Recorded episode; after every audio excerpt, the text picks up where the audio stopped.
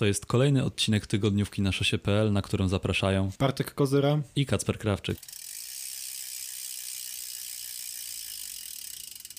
Muszę się przyznać, że od ostatniej tygodniówki obejrzałem na żywo tylko e, jeden etap Giro d'Italia, e, dlatego że no, za każdym razem wypadały mi jakieś inne zajęcia w czasie, kiedy to, te etapy się kończyły. Potem musiałem oczywiście to wszystko nadrobić i właściwie to nawet się cieszę, bo nie musiałem nadrobić zbyt dużo ze względu, ze względu na to, jak to Giro się na razie układa. No ja mówiłem w ostatniej tygodniówce albo w zapowiedzi Giro, którą nagraliśmy przed wyścigiem, że no jakoś nie, nie czuję tej atmosfery, tego klimatu Giro d'Italia i że mam nadzieję, że się będę wkręcał w ten wyścig razem z nim ale ten wyścig się jeszcze sam w siebie nie wkręcił zbyt dobrze i naprawdę, no na razie mnie nie porwał, chociaż było kilka ciekawych historii, to jednak, no ta kwestia najważniejsza, czyli klasyfikacji generalnej wciąż pozostaje nierozstrzygnięta za sprawą dość ciekawego pomysłu RCS-u na temat pierwszego tygodnia, tego przedłużonego trochę tygodnia, bo dziewięciodniowego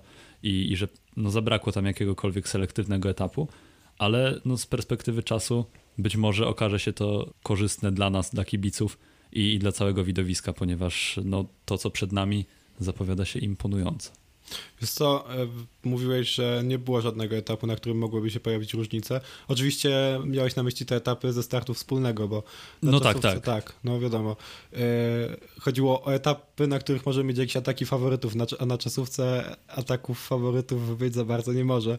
E, ale moim zdaniem na Campo Imperator, ja liczyłem szczerze mówiąc na to, że na Campo Imperatora wydarzy się cokolwiek, bo wiadomo, że to nie jest taki najstromszy podjazd na świecie, ale ostatnie kilometry jednak mają swoje nachylenie. Momentami, momentami nawet nachylenie wyglądało tak groźnie i tam mogłyby się porobić jakieś różnice, tylko ten wiatr trochę przeszkodził kolarzom. Znaczy no tak, bo ten podjazd przecież jak jechali go w 2018 roku, co wygrał Simon Yates, to były tam pewne różnice wśród faworytów, ale i tak to nie jest taka góra, na której można Giro wygrać albo nie też no, przegrać. I... Nie no, przegrać da się. Wydaje mi się, że bardzo ciężko. W sensie, jakby faworyci rzeczywiście tam ruszyli na tych ostatnich czterech kilometrach, bo wcześniej wydaje mi się, że to by... No tak, znaczy, zobaczyliśmy, że to było niemożliwe, a... Nie no, zobaczyliśmy, że a też w ogóle, nawet gdyby tego w ogóle nigdzie było... się nie dało zaatakować. nie no, jak to nie? Przecież Tomasz Champion atakował. Prawie z powodzeniem. Prawie. Tomasz Champion sobie może atakować, ale i tak nikogo to nie obejdzie, zwłaszcza, że był e, 3 minuty za, e, za ucieczką. Czy Chyba jeszcze więcej. dalej no, nawet. Nie wiem, nie pamiętam już jaka była przewaga Bo nie oglądałeś. No, no nie widzisz. oglądałem na żywo. Potem nadrabiałem ostatnie dwa kilometry, bo pomyślałem, że skoro przez cały etap nic się nie działo, to obejrzę chociaż te dwa kilometry. No ale też, no właśnie ten etap, sam profil, przecież to był jeden z najdłuższych chyba drugi najdłuższy etap y, Giro d'Italia, 218 km.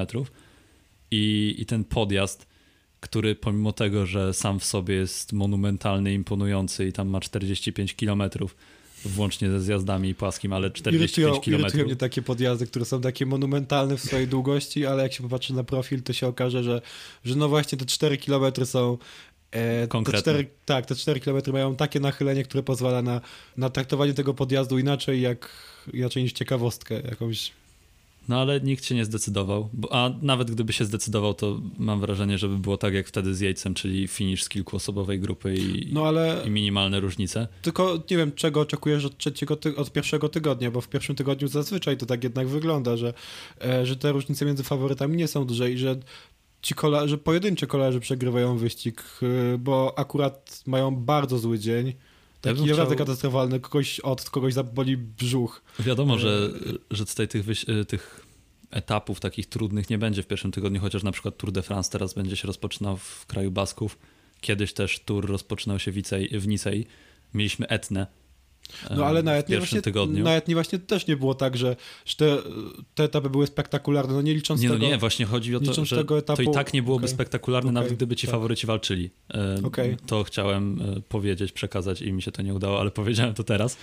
Ale też e, no nie było tutaj, chociaż może ten jeden z etapów kurczę, nie pamiętam, był na początku wyścigu jeden z, wtedy co Aurelien e, Porepont e, wygrał e, i, i Leknesund przejął koszulkę lidera, to też był taki odcinek, gdzie można było się spodziewać, że ktoś tam się ruszy, Oczywiście nie ci najwięksi, tylko, tylko ktoś raczej z miejsc 10-15, tak się nie stało. I, I brakowało mi czegoś takiego, jak mieliśmy chociażby wczoraj, czyli w sobotę, ponieważ wy tego słuchacie w poniedziałek, gdzie nie było co prawda jakichś wielkich podjazdów, ale taka krótka ścianka, która pozwalała na, na myślenie o, o ataku. Chociaż w sumie ona nie była taka wcale krótka. Mhm. Wiesz co, e, wyszedłeś w tym swoim monologu od Campo Imperatora ja bym chciał jeszcze e, jeszcze wrócić. Do, Trzeba do niego wrócić, bo do te, tam się napisała etapu. historia. Właśnie nie, nie napisała się, ale jeszcze chciałbym wrócić do, do tego wiatru, bo tak napomknąłem o, ni o nim i tak właściwie to możecie się zastanawiać, drodzy słuchacze, o co chodzi z tym wiatrem. Przecież e, no jaki on w ogóle ma wpływ na, na to, na to, jak ciekawy jest dany etap.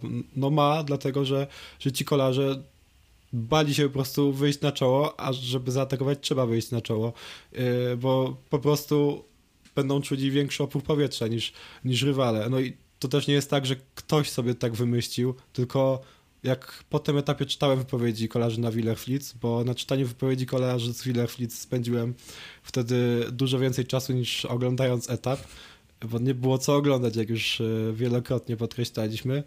E, no to każdy, Remco Evenepoel, Primoz Roglic, Geraint Thomas, nas 10 innych kolarzy, wszyscy mówili o tym wietrze nieszczęsnym, który e, sprawił, że ten etap zamiast etapem wszechczasów stał się no etapem, który przy odrobinie szczęścia i, i woli może po prostu mógłby ukończyć w grupie Mats Pedersen albo Mark Cavendish.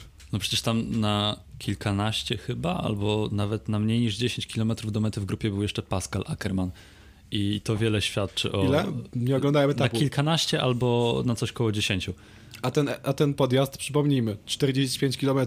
Tak, monumentalna wspinaczka, ale... Czyli w połowie podjazdu był tam jeszcze Pascal Ackermann. Nawet w tej, tak. w tej drugiej połowie, to nie, nie na samym no początku. Tam była procesja połowy. przecież, ale y, chciałbym też przejść do tych którzy napisali historię, bo ja nie żartowałem. Ja ten etap będę pamiętał do końca moich kolarskich dni. Nie wiem, kiedy one nadejdą, ale, ale wiem, że na przykład etap Vuelta Espania z 2019 roku pod Obserwatorio Astrofisico de Havalambre, nawet zapamiętałem nazwę, która nie jest zbyt prosta.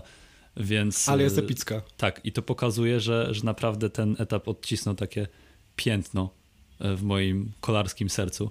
Tam sytuacja była bliźniacza, chociaż no nie było dwóch zawodników z tej samej drużyny w piątek, ale, ale no w Vuelcie mieliśmy Angela Madrazo, Jecebola i, i Jose Erade, a teraz był Simone Petilli, Karel Wacek i, i Davide Bajs, który tak. ten etap ostatecznie wygrał, a teraz a ja, mu, ja mam ciekawą anegdotkę z, związaną z tym etapem Dawaj. na Havelambre, bo ja ty pis, byłeś jeszcze w peletonawce i pisałeś relację na peletonawkę z tego etapu, dobrze tak, pamiętam? Tak było. Tak a ja pisałem tam relację już dla naszej się.pl. To była chyba moja druga czy trzecia relacja z, z, z jakiegokolwiek wyścigu dla naszej się.pl i głupio się złożyło, ponieważ e, no była burza akurat. Była burza i w pewnym momencie niestety prąd przestał działać i dlatego ta relacja potem była taka, jaka była. No i to też nie był prosty etap do relacjonowania, ponieważ tam, co ten Angel Madrazo robił, to to naprawdę. Aż ciężko tak. było zliczyć, ile on razy zostawał za peleton, tak. peletonem, za tą dwójką, z którą uciekał. Ile razy potem wracał, a atakował, potem, przyspieszał. tak. Oni go łapali, potem znowu zostawał.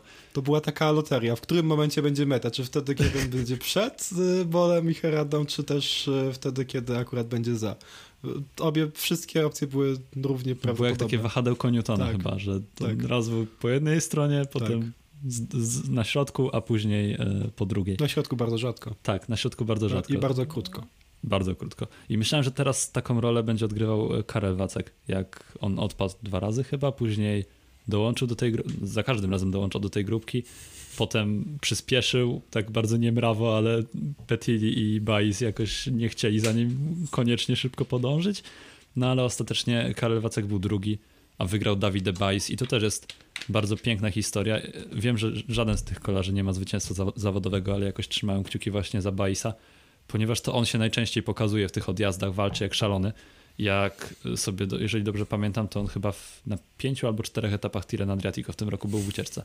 To jest naprawdę niezwykła historia, jak uciekinierzy... A na pewno, na pewno za każdym razem to był Dawid Bajs, Tak, Mattia był raz albo dwa, bo okay. ja pisałem artykuł, zaczynam moją, e, mój kącik reklamy artykułów na Naszosie. Okay. Pisałem o tym w cieniu faworytów, e, w, w cieniu faworytów, Okej. e, gdzie zawarłem nazwisko Mati i Davide Baisa. Co prawda skupiłem się na Mati, ale Davide również został wspomniany. I, I właśnie sprawdzałem to do, do tego artykułu i na pewno obaj uciekali w Tireno i jestem prawie przekonany, że, że Davide uciekał albo 4, albo 5 razy podczas Tirreno Adriatico.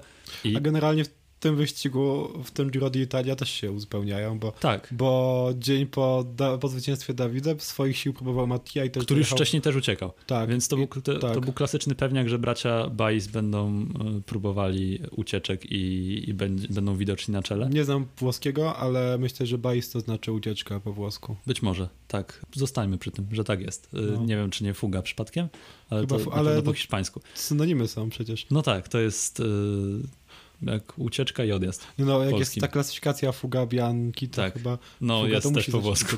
No. Bez sensu to było. No ale trudno, nie jesteśmy jeszcze poliglotami, ale Jeszcze, ale wszystko, wszystko przed nami. I wracając do tej mojej głównej myśli, to chciałem powiedzieć, że ja właśnie za to lubię kolarstwo, kiedy tacy uciekinierzy sięgają po zwycięstwa, ale nie tacy jak na przykład Ben Healy, który po raz kolejny się zaprezentował z znakomitej strony, pokazał, że w tym sezonie jest rewelacyjny, jest największym objawieniem tego sezonu moim ale, zdaniem. ale nie chcesz chyba teraz zacząć kącika Bena Hilliego. Nie, jeszcze nie. No Na to to dobrze. przyjdzie pora. To prawda. Ale chodziło mi o to, że nie tacy, chociaż też ciężko powiedzieć o 20-latku rasowy uciekinier, ale No kolarz, który jest po prostu... bardzo tak- mocny i szuka swoich szans Tak. na etapach, Nie, gdzie właśnie nie. ucieczka... Ben, Hill, ben Hill to jest taki kolarz, którego... Bo Davide, o Davide Baisie albo Mattii Baisie możemy powiedzieć, że to jest gość, o którym... No tak właściwie, jedyn, jedyne co możemy o nim powiedzieć to jest to, że, że się zabierał w ucieczki. A Ben Hilli, no to nie jest uciekinier, tylko na razie to, to jest przede wszystkim kolarz, który no potrafi się pokazać w wyścigach tygodniowych yy, i to nie dlatego, że ucieka, tylko dlatego, że walczy w klasyfikacji generalnej. Oczywiście nie są to najtrudniejsze wyścigi tygodniowe na świecie, bo Ben Hilli to nie jest góral. Przynajmniej na razie nic na to nie wskazuje. Eee, Nie no, potrafi I w, po górach, takich no, ale, średnich górach. No dobrze, to ja mówię o takich górach, po których jeżdża, jeździ Nairo Quintana. Albo jeździł Nairo Quintana wtedy, kiedy Quintana jeszcze nie jeździ. Tak, Ja widziałem, on ma jakieś przemówienia co chwilę na Instagramie, ma transmisję na żywo. Ma piękną stylówkę z jeansami, białą koszulą i takimi kowbojkami. I. I przemawia. Nie wiem o czym, ale wygląda na przyszłego kandydata na prezydenta Kolumbii. E, nie zdziwiłbym się, gdyby, gdyby kiedyś poszedł w ślady George'a Weaha i tak jak on został kiedyś prezydentem swojego kraju. E, Albo w ślady. Bogdana Wenty, który został prezydentem Kielc. Yy, tak, ale mi chodziło o Sonego Colbrellego, który nie został prezydentem niczego, ale kandydował do parlamentu albo jakiegoś lokalnego samorządu. A, no W to, każdym razie się nie dostał. to, takich historii to mamy dużo akurat. I Pantano też, y, który ostatnio wrócił do ścigania swoją drogą. Arlinson, Pantano, Ten, który okradł Rafała Majkę. okradł Rafała Majkę, no bo nie wierzę, że, że zaczął się koksować dopiero po tym zwycięstwie etapowym. No to on też y, startował w jakichś wyborach, więc może to jest przyszłość. Weź, pójdzie w ślady swojego chyba młodszego kolegi Nairo Quintana, y, ale co ich łączy to narodowość i doping. Znaczy na, trzeba przyznać tutaj, że Nairo Quintana to nie do, nie do końca. nagi- naginanie przepisów dopingowych. Tak, to jest y, lepsze ubranie tego wszystkiego słowa, bo, bo nie wiem, czy można tak śmiało powiedzieć o Nairo Quintanie, że jest dopingowiczem. No ale na cóż, pewno jego są, wynik organizac- został- są organizacje, które go uważają za dopingowicza i dlatego podobno odstraszają kluby przed zatrudnieniem. Czy to było przy Lopezie? Y, Nie, to przy Nairo Quintanie, chociaż przy Quintanie. Lopezie być może też tak, tak było, ale na pewno to był temat Nairo Quintany z ASO. No tak. No ale wróćmy może do Giro d'Italia. Na czym? A, na Hilim. I nawet, nawet, na Hilim, ale nawet nie mieliśmy do niego przejść. I nawet nie dokończyłem swojej myśli, bo Hili raz, że jest zawodnikiem, który dobrze sobie radzi w tych łatwiejszych tygodniówkach i dwa, że jest e, klasykowcem fantastycznym, no bo trzecie miejsce e, w Lies... czekaj, czwarte miejsce w Liège-Bastogne trzecie, drugie w Amstel Gold Race, jakoś tak to Mhm. było. Generalnie wysokie miejsce w argentyńskich klasykach e, miał. A Dawid Bais nie jest takim kolarzem. Nie, chociaż mnie to zaskoczyło trochę, jak on powiedział w komunikacie prasowym Eolo Kometa, że no trochę się różnią z Davide, ponieważ Davide Bais zazwyczaj y, z Matią, ponieważ Matija zazwyczaj szuka tych ucieczek, a Davide czeka na końcowe kilometry. Nie wiem teraz jak to powiedziałem, to nie wiem, czy to przytoczył Adam Probosz w trakcie transmisji, czy na pewno to przeczytałem w, w tym komunikacie, w każdym razie na pewno coś takiego usłyszałem. Ale czekaj, no, czekaj, czekaj, czekaj, ma... nie słynie z tego, że ma jakieś dobre, fenomenalne wyniki w końcówkach. No właśnie, dziwne, bo no właśnie, to co chodzi, o co tam chodziło? Może to jakieś mniejsze włoskie wyścigi kategorii NAT na przykład. na przykład. Ale no chyba wszystko powiedzieć. Nie, na pewno nie powiedzieliśmy wszystkiego. Mnie. Naszych... Całkowicie mnie zszokowałeś. Znaczy, no, prawdą jest, że Davide Bais potrafił wchodzić w top 10 Coppa Bernoki czy Giro del Veneto, ale i, i też pojedynczych etapów wyścigów pierwszej kategorii na przykład, ale no wciąż wydawało mi się, że jego domeną są jednak ucieczki. E, teraz sprawdziłem na Pro Cycling Stats cztery razy w tym Tirreno Adriatico w tegorocznym uciekał. Okej. Okay. A jeden etap to była czasówka, więc y, tylko na dwóch etapach nie, nie był w ucieczce. To naprawdę jest wyczyn niezwykły. Tak. Yy, chcemy coś jeszcze powiedzieć o, o Baisie i, jego, i jemu podobnych? Mi chyba wystarczy. Poza tym, że rzucę wam ciekawostkę z Tour of the Alps, że jak przejeżdżaliśmy przez Rovereto, w którym startował etap przedostatni, to obaj zawodnicy są z Rovereto. Na jednym z ogrodzeń wisiało takie prześcieradło z napisem Forza Fratelli Bais, więc y, Forza Fratelli Bais. I spełnili oczekiwania swoich kibiców. Jeden ucieka, drugi też ucieka i wygrywa etap. I jeszcze ma koszulkę górala, nie zapominajmy o tym. Coś pięknego. E, może jeszcze podsumujmy w tym momencie wyczyny uciekinierów w pierwszym tygodniu Giro tak. d'Italia. Na razie trzy etapy zakończyły się zwycięstwami uciekinierów e, i w sumie to e, myślę, że nie wiem, co chciałem o tym powiedzieć. No ja powiem, że mnie bardzo rozczarowuje Bardiani. A tak, chcieliśmy powiedzieć o Bardiani, że w żadnym z tych przypadków o zwycięstwo nie walczyli kolarze Bardiani. Niemożliwe. E... Oni by nie walczyli o zwycięstwo? Nie, no właśnie, nie. no właśnie, wiesz, e, nie wiem, czy w tygodniówce, czy w zapowiedzi tego wyścigu e, mówiłeś, że Bardia, nie, w tygodniówce to było. W tygodniówce bo to było, po, pierwszy, było po etapach, pierwszych tak. etapach wyścigu. Powiedziałeś mi, że Bardiani znowu jakoś tak jeździ nieaktywnie, a ja ci powiedziałem, że w zeszłym mają sez... Filippo Fiorellego. Nie, nie powiedziałem o Filippo Fiorellim, bo nie cenię go jakoś szczególnie, czy solidny sprinter, ale no nie jest on argumentem takim, że o, my nie musimy się zabierać ucieczki, bo, bo mamy Filippo Fiorellego. No nie, e, po prostu przypomniałem sobie ubiegłoroczny wyścig, podczas którego Bardiani też e, nie wysyłało tych swoich zawodniczek w te straceńcze ucieczki, nie walczyło w tych klasyfikacjach typu Fuga Bianchi, e, czy nie walczyło o, o tą klasyfikację najaktywniejszego kolarza, bo to są dwie różne e, tak, tak. klasyfikacje. Tak. Tylko po prostu zabierało się w ucieczkę wtedy, kiedy rzeczywiście rzeczywiście można było się spodziewać, że ta ucieczka powalczy o zwycięstwo i, i w tym roku jest trochę podobnie, bo w sensie jest... Tylko trochę. Tylko trochę, bo oni rzeczywiście zabierają się w te ucieczki, które dojeżdżają do mety, tylko potem się okazuje, że ten kolarz, którego oni danego dnia wybierają na, na tego uciekiniera, który, e, który będzie próbował nawiązać walkę z tymi pozostałymi uciekinierami, no to no ten, ta selekcja jest taka bardzo nieudana zwykle. Bo... Znaczy mi się wydaje, że to nie jest żadna selekcja w tym przypadku. No tak, po prostu tak, ten, tak. który ma siłę i się znalazł z przodu, to akurat odjeżdża. No tak, Ale tak, tak nie mieli szczęścia do tego. No tak. E, a szkoda, bo na przykład w tym etapie, o którym mówiliśmy dość długo, zadziwiająco długo. E, był tak ciekawy. Nie był ciekawy. To przecież obok tej trójki, o której mówiliśmy, obok Baisa, Wacka i, i kogo jeszcze? No i e, Simone Petillego. Tak, Simone Petillego był jeszcze bardzo długo, bo przez jakieś 50 kilometrów. Nie, no nie, trochę więcej. No dobrze, bo ten etap więcej. był. Tak, tak, tak, był mega długi. 220-kilometrowy. Tak, ale, ale nie wytrzymał do połowy. No nie wy... Był Heniok, Mulu Burhan z tak. Bardiani właśnie. I on, strzelił, on strzelił na 130 km przed metą na takim wzniesieniu, które no, no, no jest wymagające, ale tak naprawdę to wymagające byłoby wtedy, gdyby było na przykład choćby te 50 km przed metą, a nie 130. No nie jest to Montezonkalan, że samo nachylenie robi swoje. Tak. I to tam nie było nawet takiego jakiegoś mega mocnego zaciągu, bo po co miałby być mega mocny zaciąg ee, na 130 przed metą? górską premię. Davide Weiss tam walczył. O tym nie powiedzieliśmy. To też jest ważne. A, bo ja, bo ja tam nie, ja wrócę jeszcze do bólu pchana, bo ja byłem bardzo ciekawy, co tam się... Jestem bardzo, byłem bardzo ciekawy, co tam się stało, bo ja nawet cenię tego kolarza i myślałem, E, inaczej, gdybym wiedział, że Mulubrhan był w ucieczce dnia w momencie, kiedy on w tej ucieczce dnia był, a nie zobaczył sobie to z odtworzenia, to bym pomyślał, że on może nawet powalczyć o zwycięstwo i że ma na to bardzo duże szanse.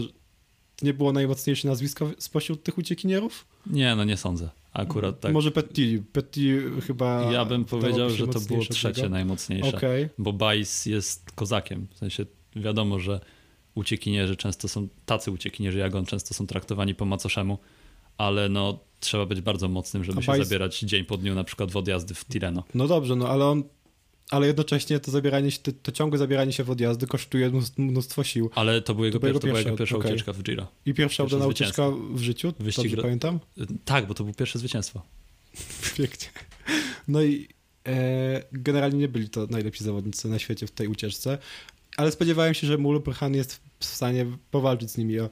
Dojechać do ostatniego podjazdu przynajmniej. Tak, tak, a on strzelił tak daleko i właśnie zastanawiało mnie to, co się stało z tym Mulu Burhanem i dlatego odpaliłem sobie obok tych ostatnich dwóch kilometrów ostatniego podjazdu moment, w którym Mulu Burhan strzelił. No i tam rzeczywiście no, nic się takiego szczególnego nie wydarzyło w tym momencie, a potem sobie poszukiwałem jakichś, jakichś komunikatów. Mulu Burhan z kłopotami żołądkowymi, Mulu Burhan e, z bólem głowy, e, albo na przykład komunikat o tym, że wycofuje się z wyścigu z powodu, z powodu koronawirusa. Nic takiego nie miało miejsca, żadnej wypowiedzi, e, żadnej jego wypowiedzi nie znalazłem też nigdzie, więc e, jest dla mnie zagadką, co tam się wydarzyło. I jeśli ktoś z was wie, co się wydarzyło z Heniokiem Mulu Burhanem, albo jeśli ktoś wie, jak się czyta jego nazwisko, bo to też byłoby przydatne, to no, zapraszamy e, do sekcji komentarza. A teraz będzie sekcja reklamy i Okej. ja powiem, że wypowiedzi nie znalazłeś, ale wypowiedź Henioka znajdziesz na naszosie,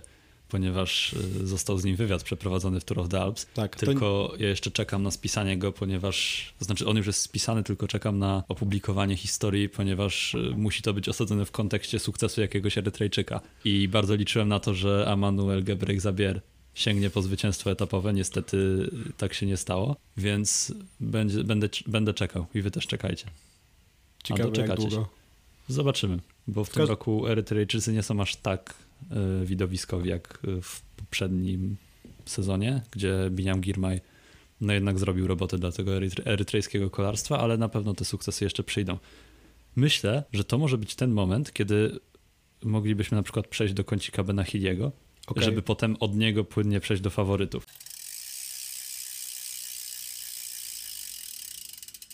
Okej, to teraz czas na kącik Benachiliego. Kolarza, który w sobotę nadrobił 4 minuty i 38, i 48 sekund nad Remco Evenepoelem, czyli liderem wyścigu. I do odrobienia miał w tamtym momencie już tylko 20 e, kilka minut. To już nie są żarty. Ben Healy zgłasza, podnosi rękę, mówi jestem i, i zgłasza chęć walki o podium w Rzymie. Tak jak mówił Proseking Stats, że on może zająć podium, y, zająć, zająć miejsce na podium w swoim debiucie w Wielkim Turze. E, dokładnie tak. E, ben Healy i jego szanse walki w klasyfikacji generalnej zajął dużą część naszej zapowiedzi Giro d'Italia. Myślę, że możecie sobie do niej wrócić, a przynajmniej do tego fragmentu, e, którego musicie sobie niestety poszukać, bo w tym momencie nie pamiętamy, w, który, e, w którym dokładnie miejscu tej zapowiedzi był, był ten fragment o Benie Healim. E, Natomiast e, rzeczywiście zbliżył się do, do Remka Benepula. E, Na tym etapie ósmym jego strata jest coraz mniejsza, była coraz Teraz mniejsza. Teraz jest trochę większa, bo znowu stracił na jeździe indywidualnej na czas, na której podobno też miał być naprawdę mocny. Ale ładnie wygląda na rowerze. Ma Tak. bardzo ładną pozycję, tylko tak z czasem trochę jest gorzej, ale to się wszystko wypracuje. Tak. W każdym razie Ben Healy traci obecnie 27 minut i 43 sekundy do Remco Evenepoela. Czyli z powrotem jest źle. Y, Nie, no nie, to są tylko 20, y, to jest tylko 26 minut i 58 sekund do Primorza, do Geraint'a Thomasa, przepraszam. Ile jeszcze raz? y, Ile? y, 26 i 58 sekund. A czekaj, a może powinniśmy liczyć stratę do Primorza Roglicia, No to to jest 26 47. i 56 sekund. Pięknie. No to to jest do odrobienia. Guillaume Martin pokazywał luzie. e, w poprzednich edycjach Giro d'Italia, że e, nie, w poprzednich edycjach Wielkich Turów, że no da się odrobić taką stratę, e, choćby zabierając się w ucieczki. No zdarza się, że ucieczki zajeżdżają 10 minut przed peletonem. Jak Ben Hill zabierze się w dwie takie, to jeszcze zostanie mu 5 minut. Ale czemu dwie? Niech się zabierze w trzy i będzie liderem. Hmm, ale nie, no nie, na pozycji lidera się tak nie wskakuje jednak, to się rzadko zdarza. No do, czołowej dobra, dziesiątki, zobaczymy. do czołowej dziesiątki, no zdarza się. Ja Takie, wierzę. rzeczy, takie rzeczy mogą się zdarzyć, ale nie, na pierwsze miejsce to nie. A tak, Jednak tak zupełnie poważnie, to Ben Healy jest najgorszym Irlandczykiem w tym wyścigu. I No moglibyście pomyśleć, Kacper, przecież João Almeida jest najgorszym Portugalczykiem, ale Irlandczyków jest dwóch. No. I tym najlepszym jest Eddie Dunbar. Więc... Eddie Dunbar, który jest nie najgorszym Tak, zawodnikiem. on i bardzo dobrze mu idzie. To jest No. zaskakująco. Nie spodziewałem się, że on będzie tak mocny, ale też trzeba Ale przyznać, że jeszcze nie było gór. A czy on nie miał być liderem e, Jake'a Alula na ten wyścig, na klasyfikację generalną? Być może tak miało być, ale jak ci brzmi Eddie Dunbar liderem na klasyfikację generalną? Kiepska to dlatego, że do tej pory nie dostawał szans, Tak. bo był pomocnikiem Fineos Grenadiers i ciężko, żeby Fineos Grenadiers był... Ben Healy też nie dostawał szans. Tak, ale, ale W, nie tylko w wielkich turach pokazywał, że, że to nie jest, że nie jest góralem, a Eddie Dunbar chyba w przeszłości miewał dobre występy w górach. No tak, wszyscy pamiętamy zwycięstwo w kopie Bartali na przykład. Mm. Tak jak Ben Healy w tym roku.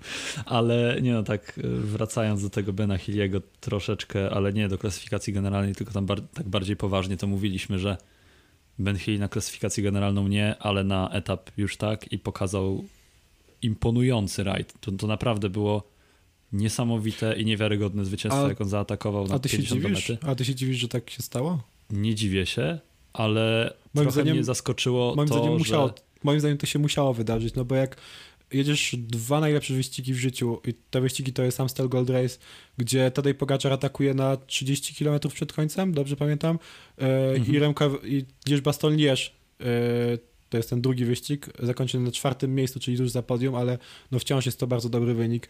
I Remka Benepul też atakuje 30 km przed końcem, no to no to ty patrzysz na nich, jesteś młodym kolarzem, więc chłoniesz tą wiedzę i wiesz, wiesz jak no wiesz, e, zaczynasz rozumieć, co trzeba zrobić, żeby wygrywać. Trzeba atakować wcześniej. No to zaatakował wcześniej, jeszcze wcześniej niż oni, choć aż tak imponujący ten rajd nie był, jak te rajdy Pogaczara i Evenepula, no bo... No, był bardzo imponujący. ale i tak był bardzo imponujący, to ja prawda. naprawdę, bo to, że on jest w dobrej formie, to, to nie jest żadnym zaskoczeniem, ale no nie spodziewałem się, że on ruszy już na tamtej ściance pod y, to całe Cappuccini i, i że już wtedy się zdecyduje na atak. Myślałem, że to będzie miało miejsce trochę później, no bo raczej był głównym faworytem do zwycięstwa z tej ucieczki, No i mógł, ale mógł no po prostu nikt za nim nie ruszył i to nie dlatego, że że poczekali i się czarowali, Dlaczego tylko? Bargil mówił, że po prostu nikt nie był w stanie. Ale samo to, że, że on odjechał na podjeździe, to jeszcze nic, bo on to utrzymał potem. I, Na dwóch innych podjazdach. Tak, i też na płaskim terenie, a, a w płaskim się, po płaskim się trochę ciężej No jedzie tak. przeciwko kilkuosobowemu odjazdowi, także no szapoba. Nie, no tak, y, no zaimponował Ben Healy. Nawet jeśli ten jego rajd nie był tak imponujący jak Pogaczara i Evenepula, no ciężko zestawiać te dwie rzeczy ze sobą, bo jednak walka toczyła się między słabszymi kolarzami teraz niż wtedy. No, Nie doceniasz Dereka Gi i Filippo Zany. o, powiem ci szczerze, że I Alessandro Tonellego z Bardiani, warto o nim wspomnieć, ponieważ był to pierwszy kolarz Bardiani, który dojechał do mety w ucieczce. tak, ale znowu nie walczył o wysokie miejsce, był ósmy. No, E, całkiem wysokie. no, Być może to będzie najlepszy występ kolarza Bardiani w tym Giro, w sumie bym się nie zdziwił, ponieważ kolarze Bardiani w tym Giro radzą sobie kiepsko, ale o tym już było. tego co mi już było. Ale jeszcze Mogę powiedzieć jeszcze, że, e, że chyba gdzieś tam kilka miesięcy temu widziałem po raz ostatni w moim domu taką, e, taką e, miot, miotłę i ona była w barwach Bardiani. Myślę, że zamiast rowerów to powinni się ci kolarz zająć właśnie tego typu miotłami. Myślałem, że powinni latać Bardziej- na miotłach jak bardziej- wiedźmy. Bardziej by do nich pasowały, nie tylko ze względu na to, że kolorystycznie e, no, Ja jeszcze wrócę natomiast do Bena Hilliego.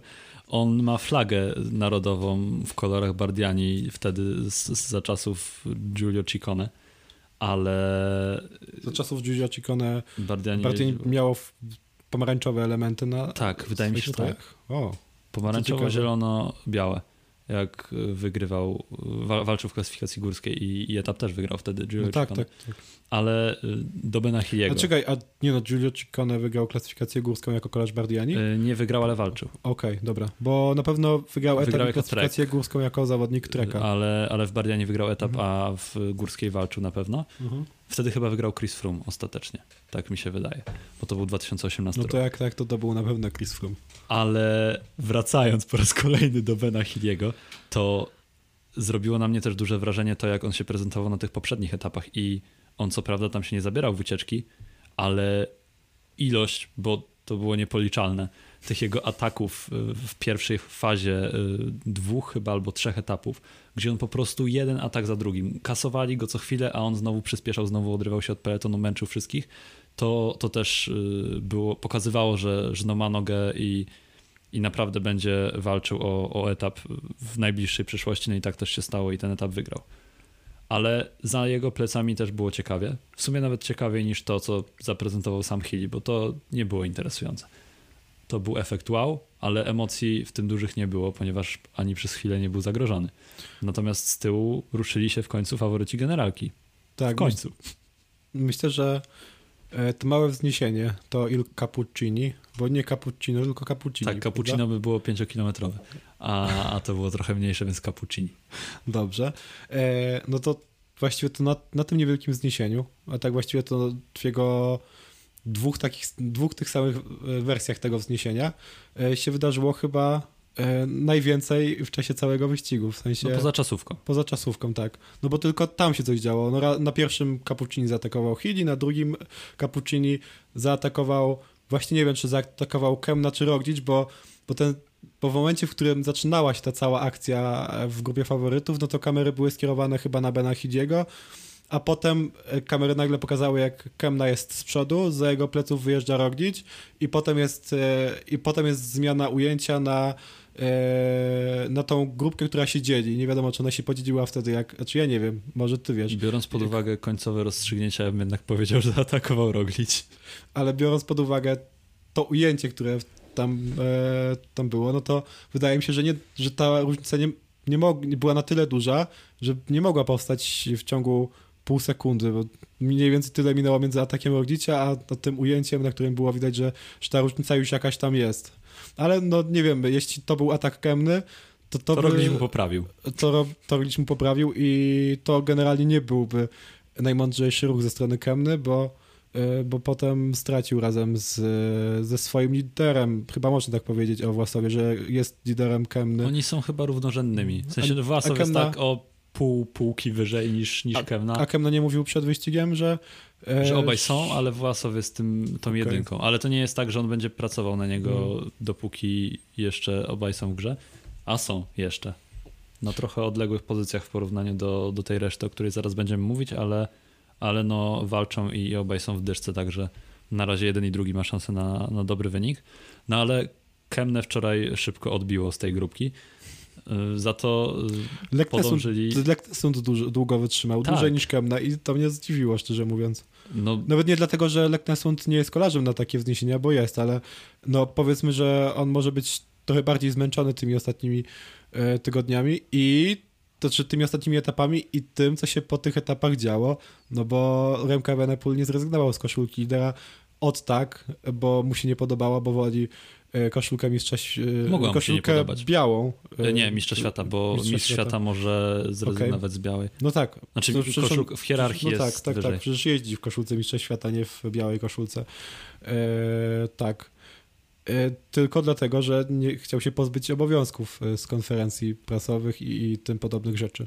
No i to jest y, właśnie ta kwestia pozbycia się koszulki była no, bardzo prosta w moich oczach, przynajmniej no tak jak mówiliśmy ostatnio, że to jest jedyny słuszny wybór, jeżeli Remco Evenepoel ma spędzać załóżmy dwie godziny na jakichś obowiązkach dla lidera, podczas gdy reszta kolarzy odpoczywa w tym czasie, no to po prostu nie opłaca się mieć tej koszulki, to mówiliśmy przed etapem, na którym? Remco Evenepoel to stracił, stracił koszulkę.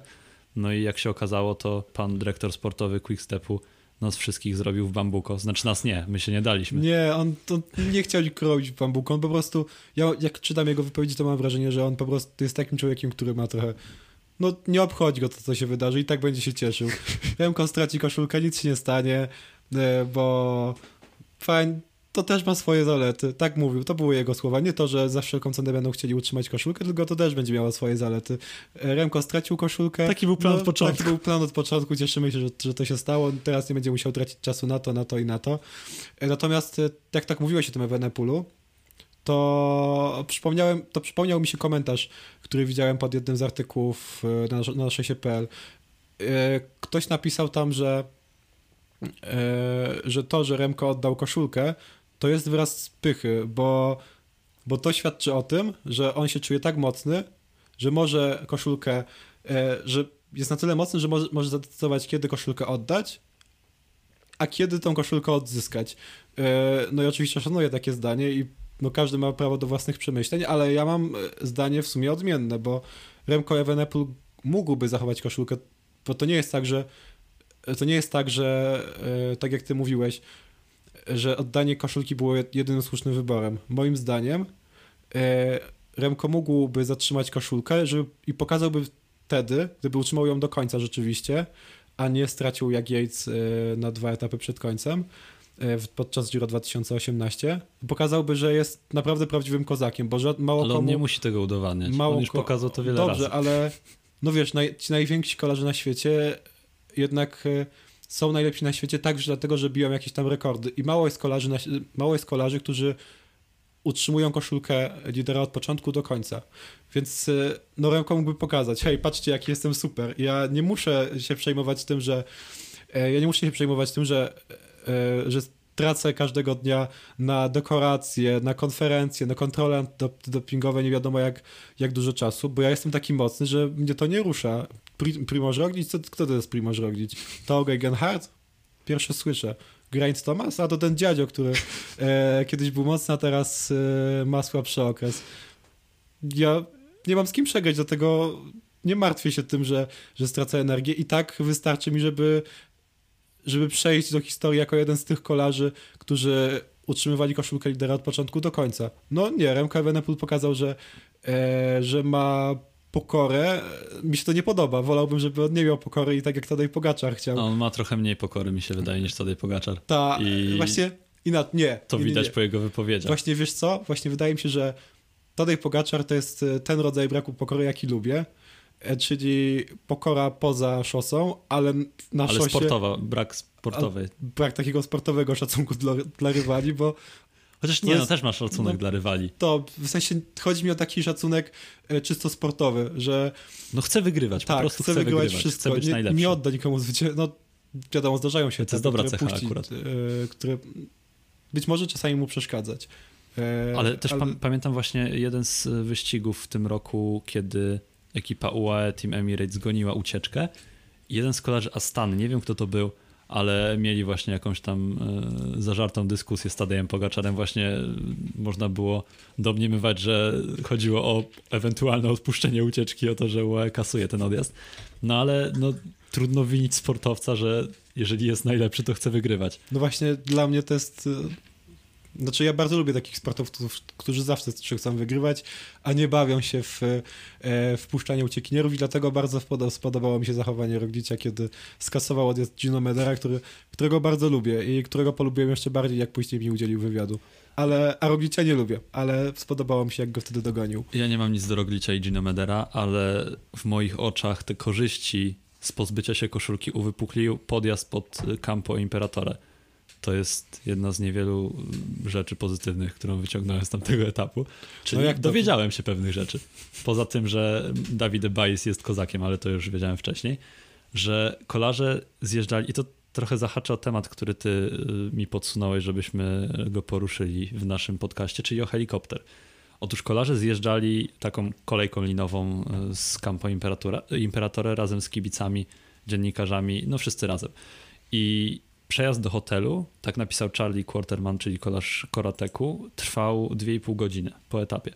Etap był procesyjny, więc skończył się o godzinie 17.30, czyli można założyć, że jakoś mniej więcej o godzinie 21, 20.30, coś takiego, dojechali dopiero do hotelu. To teraz można sobie też wyobrazić, że lider dojeżdża dwie godziny później. Ale nie sądzę, żeby to było aż, aż tyle czasu później, bo nie, nie, nie widziałem tego e, tweeta e, Quatermana, ale wydaje mi się, że no, oni zaczęli wszyscy kolejką linową, tak? Tak, E, No, czyli do tej kolejki linowej była duża kolejka. tak. Nomen omen. Dobrze mi się wydaje, tak? E, czyli to oznacza, że te kolejki mają to do siebie, że, że one się w pewnym momencie rozładowują i wydaje mi się, że nie można powiedzieć, że, że dwie godziny, czy dokładnie dwie godziny później. Ale to chodziło o też transfer e, samochodem do hotelu. Mhm. Nie, no, ja Więc, wiem, bo ja tam wiem, kolejką to było kilka minut chyba tylko do parkingu. Ale... No nie wiem, w sensie jak ja Później- czytałem, jak ja czytałem to, co pisał Konowałowas, że trzeba było walczyć o to, żeby się dostać do kolei. No to na pewno, jak tyle osób stamtąd zjeżdżało. Tak, to myślę, że to też zajęło trochę czasu po prostu i, i to, ten, ten czas można odjąć przy, e, przy tej godzinie, o której e, lider wyścigu dostał się do hotelu. No tak, mniej więcej, no ale to i tak jest dużo później niż, y, niż tamci Tak. zwykli kolarze, którzy nie mają takiego zaszczytu w postaci posiadania koszulki.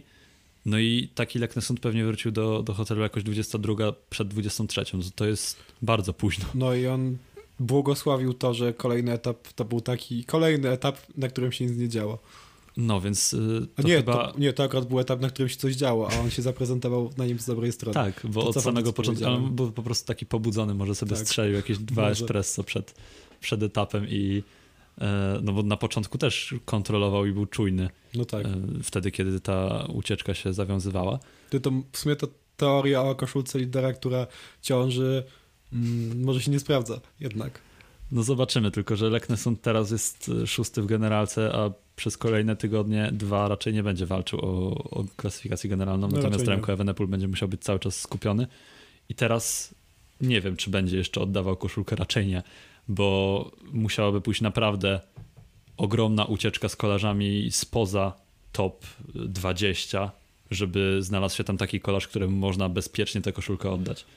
No, no Bo Nie wiem, a- nie ma co szarżować i, i oddawać to jakiemuś, nie wiem, Arensmanowi, bo, bo się można na tym przejechać troszeczkę. Ja pamiętam tak. jeszcze a propos tej pychy, że Miguel Angel Lopez w Vuelcie 2019 oddał koszulkę, miał wtedy białą i czerwoną.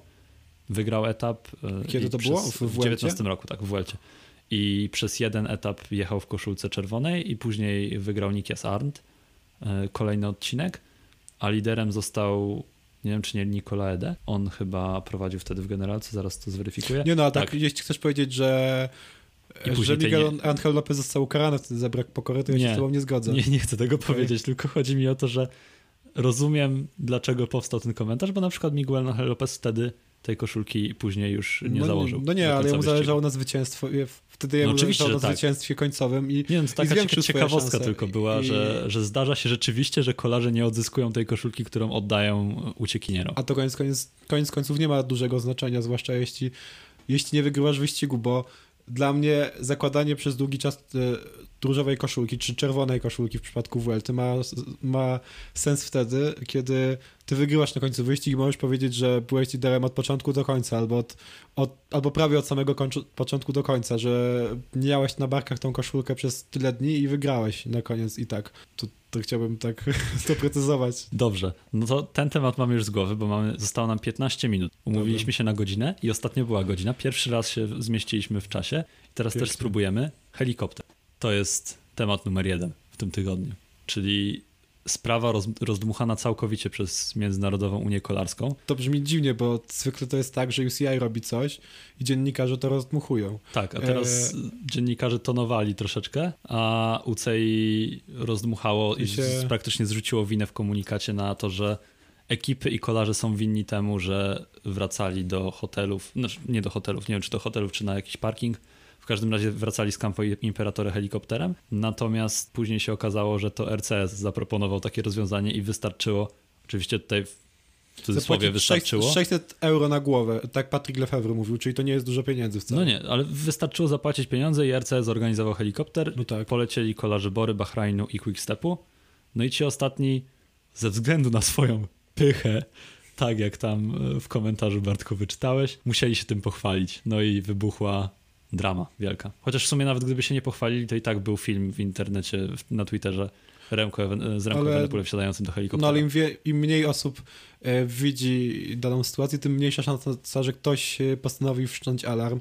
I ja tak szczerze mówiąc nie dziwię się temu, że jakieś poruszenie się e, wokół tego, co się wydarzyło, pojawiło, no bo szczerze mówiąc, to mi też się nie podoba to, że, że kolarze sobie wracają helikopterem e, do hotelu, no bo no ja muszę powiedzieć, że patrzę sobie tak na to kolarstwo i wydaje mi się, że ten sport ma naprawdę e, duże predyspozycje do tego, żeby zyskać na tym, że, że dzisiaj każdy chce być ekologiczny, że no chcemy zostawiać jak najmniejszy ślad węglowy i tak dalej, i tak dalej, a raz, że kolumna samochod, kolumny samochodowe, które podążają za, e, podążają za wyścigiem, temu nie sprzyjają. Nie wiem, jak rozwiązać ten problem. Pewnie może dałoby się na przykład częściej korzystać z samochodów elektrycznych, nie wiem, ale myślę, że warto iść w tą stronę. Tak samo jak podobało mi się to, że kolarze nie, nie, nie śmiecą e, nie śmiecą tymi swoimi żelami i, i batonami, a raczej papierkami po nich. Tak samo nie podoba mi się to, że jest taka możliwość, że kolarze sobie wracają helikopterem, który zostawia no, dużo zanieczyszczeń po sobie. E, I to jest nie do końca potrzebne, skoro jak widzimy, większość peletonu i tak wracała e, do hotelów kolejkami linowymi, które jednak chyba środowisku sprzyjają trochę bardziej. E, dlatego mi się nie spodobało to, to że Soudal, bo Soudal się tym pochwalił, co też nie było zbyt mądre, że, że skorzystał z takiej, z takiej formy transportu, bo wiadomo było, że, że jeśli publikujesz na swoich social mediach tego typu rzeczy, no to spotka się to z krytyką. E, Soudal oberwał najmocniej, e, chociaż był jedną z tych trzech ekip, także dlatego właśnie, że, że się tym pochwalił zupełnie niepotrzebnie. I widzę potem tweet UCI, że UCI potępia zachowanie Soudal Quickstep. Więcej szczegółów tutaj i myślę, no, fajnie, że potępiają. Cieszę się bardzo, bo takie rzeczy powinno się potępiać, tylko poprzestajmy na tym potępieniu. E, żadnych kar, ani finansowych, ani czasowych, ani jakichkolwiek, no bo no chyba nie ma nigdzie w zasadach tego, że, że nie można korzystać z helikopterów. No mnie... A potem e, widzę treść tego oświadczenia, e, do którego był link w tym tweetie UCI i widzę coś o jakichś, o jakichś sankcjach i działaniach i to mnie trochę przestraszyło, powiem szczerze. E, na szczęście na razie nie widziałem żadnym oświadcze, e, żadnego kolejnego oświadczenia, w którym, e, w którym byłaby mowa o jakichś karach. Natomiast jeśli by się takie pojawiły, to bym był bardzo zdziwiony, zwłaszcza, że to wszystko odbyło się za zgodą i nawet współdziałaniem organizatora. No mnie ubodło to, że właśnie nie skupiano się, główną myślą tego komunikatu nie była ta kwestia środowiskowa, chociaż ja akurat mam tutaj takie zdanie, że no jednak większy ślad węglowy zostawiają po sobie durne transfery na etapy 200-kilometrowe na no tak, przykład niż, też, niż helikopter. Z tym też należałoby walczyć. Ale, ale już zostawiając to z tyłu, tak jak zostawiło to UCI, moim zdaniem tym głównym tematem było to, że to było nie fair. No, mi się to wydaje, było jak że... najbardziej fair, ponieważ każdy miał taką możliwość. Właśnie to była esencja fair play że jeżeli wierzyć, że, że rzeczywiście zostało to przedstawione wszystkim ekipom, każda mogła z tego skorzystać, Wiesz, no to y po prostu to było uczciwe, że niektóre wybrały tak, a niektóre inaczej i nie ma co winić żadnej z nich. Tylko też wiesz, y, jak sobie o tym pomyślałem za, za pierwszym razem, to też zrozumiałem ten argument, że no nie wszystkie ekipy mają pieniądze na to, żeby coś takiego sobie zorganizować, ale no kurczę, jak Patrick Lefebvre powiedział, ile to było, 300 czy 600 euro, wiem, że to jest duża różnica, czy 300 czy 600 euro, ale ani to, ani to, to nie, to nie są duże wydatki dla ekip, które no jednak płacą tym kolarzom kosmiczne sumy nieraz. Dla ekipy, która nie ma mają... dachu w swoim kamperze tego zewnętrznego może to być duży wydatek, ale to jest pojedynczy przypadek. No tak, ale generalnie ekipy mają milionowe budżety, więc no nie wiem, e, ekipy mają po 8 zawodników, pewnie już nie wszystkie i nie wszyscy musieli lecieć. Nie wszyscy musieli lecieć, to prawda, tylko ci, którzy na przykład, tylko na przykład ci kolarze karateku, którzy następnego dnia chcieli zaatakować, bo widzieli dla siebie szansę na a może, ej, a może to właśnie była przyczyna tego, że nikogo z karateku nie było tak, w sobotę. byli zmęczeni. Charlie Quarterman pisał 2,5 godziny. No i potem mamy tak, taki efekt. Taki mamy właśnie efekt. No ale, no nie wiem, Koratek uznaje, że Veliko Stojnic e, i Andrea de la Valle będą walczyć. E, Nikolas. Nikolas E, nieważne. Wiem, że to, e, dobrze. Bardzo ważny Niech Dalla Decyduję, że następnego dnia e, w ucieczkę zabierają się Nicolas Del, Della Valle i, i Veliko Stojnic. Nie wiem, De, Val- Della Valle chyba nie jest tym typem kolarza, który miałby e, co liczyć na, na dobry występ raczej nie. e, na sobotnim etapie, ale no, to było takie nazwisko, które przyszło mi do Mógłby. głowy, bo o nim mówimy e, dość często w tym podcaście, zatrważająco często. Piąty na etapie. Tak, piąty na jeden z etapów. Brawo dla tego pana. No to w takim razie wysyłamy tych dwóch kolarzy helikopterem, czyli 1200 euro. Czy to jest tak dużo? Czy to jest coś, nie do coś, końca. to jest Nie- coś na nie co, jest może tak. sobie, na co nie może sobie pozwolić Team Koratek? Myślę, że może. Jakby rzeczywiście im na tym zależało, to znaleźliby te pieniądze gdzieś Albo- w budżecie. Albo 600 euro, bo ja tak jak mówiłem, nie jestem pewien, czy to było 300 czy 600 euro. No Nie jest to jakaś astronomiczna kwota, patrząc na to, jakimi operują No tak. ekipy kolarskie, a, a jeżeli mówimy o World Tourach, to już w ogóle. Bo tam nawet jak zestawimy ze sobą taki team Ineos, oczywiście Ineos jest y, bardzo, jest najbogatszą ekipą, ale jeżeli zestawimy to z Astaną, to dla Astany to też nie jest duży wydatek. Jeżeli walczyłaby o zwycięstwo w Giro, gdzie dostaną dużo, dużo więcej pieniędzy za wygranie klasyfikacji generalnej na przykład, albo nawet za czołowe miejsce, bo to nie tylko zwycięzca dostaje wszystko. A wiemy, że to nie nagrody za dobre wyniki są głównym No źródłem tak, to jest tylko bonus, No a, właśnie. a to mogłoby i tak zwrócić i to nie tak, że, że cała y, pula nagród by poszła na bilet na helikopter, tylko no to byłby jakiś ułamek. Także no moim zdaniem to jest burza w szklance wody i mam nadzieję, że nie będzie z tego żadnych konsekwencji, bo jedyne konsekwencje to mógłby ponieść RCS w tym No momencie. właśnie.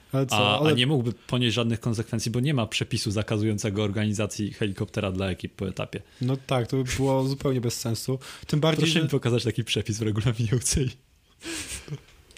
No nie, dziwne to było bardzo. E, No ale na tym zakończmy może ten Tak, bo wątek. mamy mało czasu. Faworyci, faworyci, faworyci. Tamten etap y, sobotni był kluczowy w kontekście klasyfikacji generalnej w tym tygodniu, który nie był czasówką. I, i wydarzyło się tam. Nie, sumie- nie kluczowy, najważniejszy po prostu, bo Tak. nie było żadnego kluczowego etapu poza czasówką. Y, Ale był on. Znaczy nie, no w sumie, no, no nie, no nie rzeczy, rzeczywiście masz rację, chociaż y, Leknesund trochę tam stracił. Natomiast y, patrząc na to, co się później wydarzyło, jak kolarze przecinali linię mety, to, to tak naprawdę te różnice były malutkie. I mimo tego, że tam Primoz Roglic z dwójką z Ineosu, o której zaraz powiem, bo jest naprawdę rewelacyjna, nadrobili nad Remco Evenepoel i e, Remco Evenepoelem i całą resztą, to to dalej jest niewiele, chociaż może to mieć jakieś swoje odbicie w kolejnych etapach w kwestii psychologicznej. Kurczę, Chociaż nie ma tutaj znowu żadnych poważnych etapów. ja myślę, że w tym momencie moglibyśmy się pochylić nad tą dwójką z Ineosu, bo jak ja tak na nich patrzę, to no ja wiem, że się. oni się fizycznie różnią od siebie, ale gdybym na to nie zwracał uwagi, na to, że jeden z nich jest o 10 lat starszy niż drugi, to bym I sobie trochę wyższy. pomyślał, Y, Jeden jest od drugiego. E, to, trochę wyższy, Fizycznie. tak. To bym pomyślał, że to są dwa klony, bo on, oni robią to samo na, na każdym kolejnym etapie. Ten pojedzie dobrą czasówkę, ten jedzie też bardzo dobrą czasów, dobrą czasówkę na 30 e, kilku kilometrach, jeden traci do drugiego jedną sekundę. Jeden pojedzie, jeden e, zacznie rajd za Rogliciem, to drugi za, za obok niego. I tak cały czas robią dokładnie to samo, choć sumie Jeden będzie miał defekt, to drugi zostanie po kraksie. Pewnie, pewnie tak. Nie, tak no, było. nie bo Tomas miał defekt, nawet chyba dwa albo trzy, ale za każdym razem wracał. A Tao miał kraksę i nie wrócił. Znaczy, ostatecznie wrócił na metę, ale, ale ze stratą. I dlatego plasuje się za Tomasem. Tak, ale generalnie no cały czas robią praktycznie to samo, co jest o tyle ciekawe, bo często jest tak, że, e, że jeśli ekipa ma dwa różne bardzo ostre noże, bo oni są bardzo ostrymi nożami, skoro jeden z nich jest drugi, a, dru- a inny czwarty w klasyfikacji generalnej, e, no to wykorzystują ich różne, na różne sposoby, żeby jakoś poszerzyć sobie wachlarz działań, a oni w sumie kopiują swoje ruchy trochę. Nie mówię, że, że to coś złego, Absolutnie. natomiast e, jest to ciekawe i zobaczymy, jak będzie na tych etapach, na których e, te różnice już będą większe. Czy, czy wtedy spróbują jakoś, no nie wiem, jeden zaatakuje na 5 km przed, e, przed zakończeniem e, Monte Bondone, przed szczytem Monte Bondone na przykład, za dużo na przykład, ale a to drugi poczeka i skorzysta na przykład na prac, znowu na przykład. Za dużo razy używam słowa na przykład. i, i zmusi tym samym do pracy Primoża Roglicia albo, albo Remco Evenepoela. No liczby na pewno są po stronie ekipy Ineos Grenadiers, nawet jak się wycofał Filippo Ganna. Ja miałem taką wątpliwość przed startem wyścigu, w sumie dalej ją trochę mam, że to jest bardzo mocna ekipa, najmocniejsza, najmocniejsza ze wszystkich na starcie Giro, ale czy będą mieli lidera, który jest w stanie wykończyć tę pracę, sprawiając jakieś problemy Evenepoelowi i Rogliczowi? Tego jeszcze nie wiemy. Wiemy, że zdali na szóstkę dwa testy w postaci czasówek, bo strata niespełna minuty do Evenepoela to jest duży sukces, patrząc na to, ile tych kilometrów było, bo ponad 55 kilometrów przejechali już. Także no, to na plus. Dodatkowo, nie, nie ponad, tylko trochę mniej niż 55, przepraszam. A to jest jeszcze, to znaczy jeszcze więcej niż się wydawało przed wyścigiem, bo e, na jedynym etapie pagórkowatym, no, zawierającym podjazdy, na którym, na którym Remco Evenepoel mógł stracić, stracił i pokazał tak. słabość, czy, czyli to może, to może oznaczać, chociaż znów nie ma co wyciągać zbyt pochopnych wniosków z tego, że Remco Evenepoel wcale nie jest teraz jakiś bardzo, bardzo mocny, tylko po prostu korzysta z tego, że jest generalnie jako kolarz kozackim, ko, kozackim czasowcem. Ja bym powiedział, że po, tym, po tych dziewięciu dniach nie wiemy absolutnie nic, bo nie było żadnego górskiego sprawdzianu. I, I, w tym wyścigu się może wydarzyć jeszcze dosłownie wszystko. Każdy z kolarzy, który jest w czołowej dziesiątce, może ten wyścig wygrać. Wiadomo, że to by było trochę abstrakcyjne, jakby na przykład Lenat Kemna wygrał ten wyścig, ale 3 minuty to jest nic, mając w perspektywie tyle górskich etapów, na których różnice będą liczone w minutach.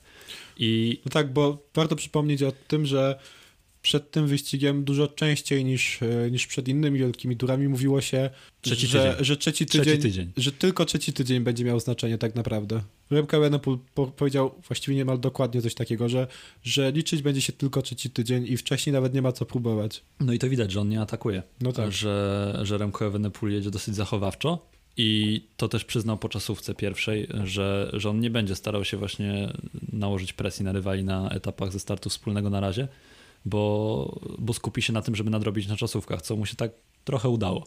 Ale no, bardziej mu się udało na pierwszej niż na drugiej, a wypowiedź drugiej... była przed drugą, a po pierwszej, także no, tak. no, sekunda nad Tomasem. Nie jest to imponujące.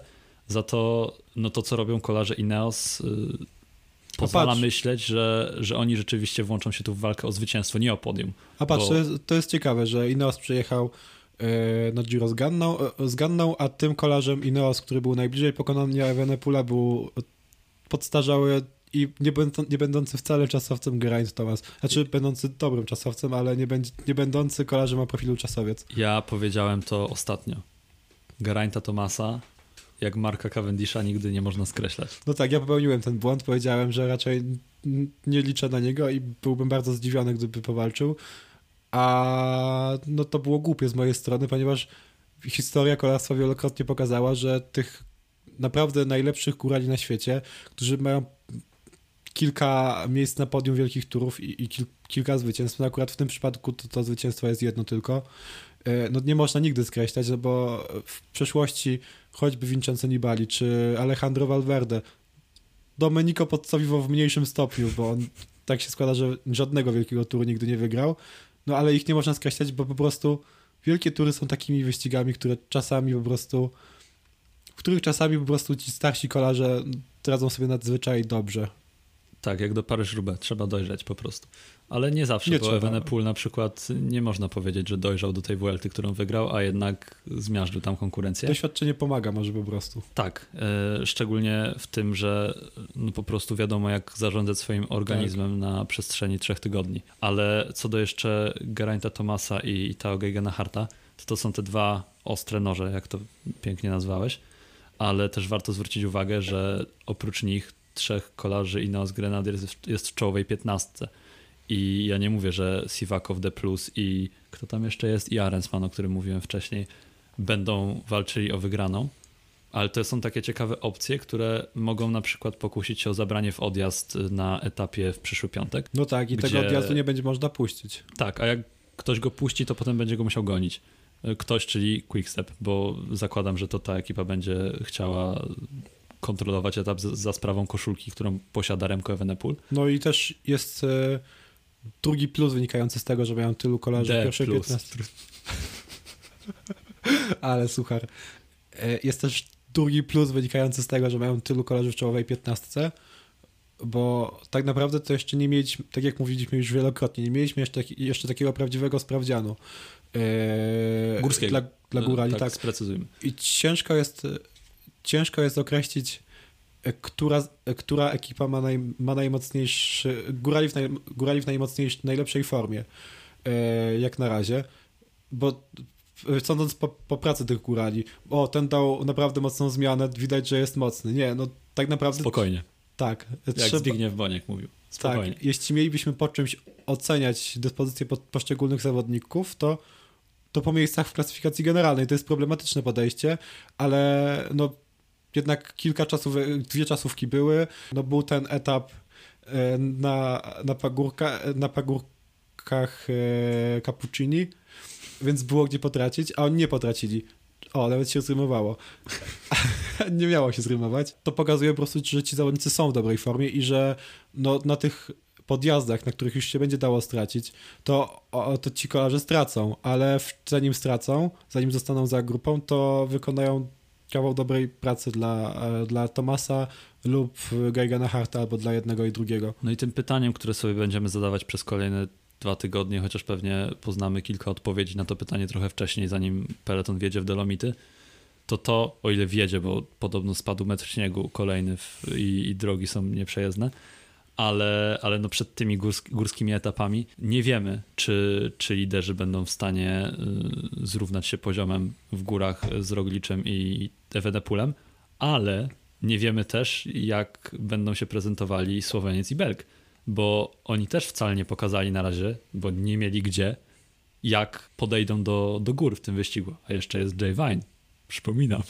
No Jay Vine Wychudzony jeszcze, Jay Vine. Jeszcze nie stracił, ale, ale wszystko przed nim. E, drugi trzeci tydzień mogą się okazać dla niego mm, bardzo trudnym czasem. No już ma trzy minuty w generalce, ale no właśnie to jest z jednej strony powód, dla którego to Giro nie było tak ciekawe w, w pierwszym tygodniu, że że tutaj nie za dużo się działo, bo nie było okazji, żeby się coś działo poza czasówkami, gdzie no w zasadzie te różnice to głównie powstały na czasówkach, bo to 15 sekund Evenepula wczoraj to, to nie jest tak istotna różnica w zestawieniu z trzema minutami Jaya Vina, który oprócz tego, że stracił na czasówkach, to jeszcze został w kraksie.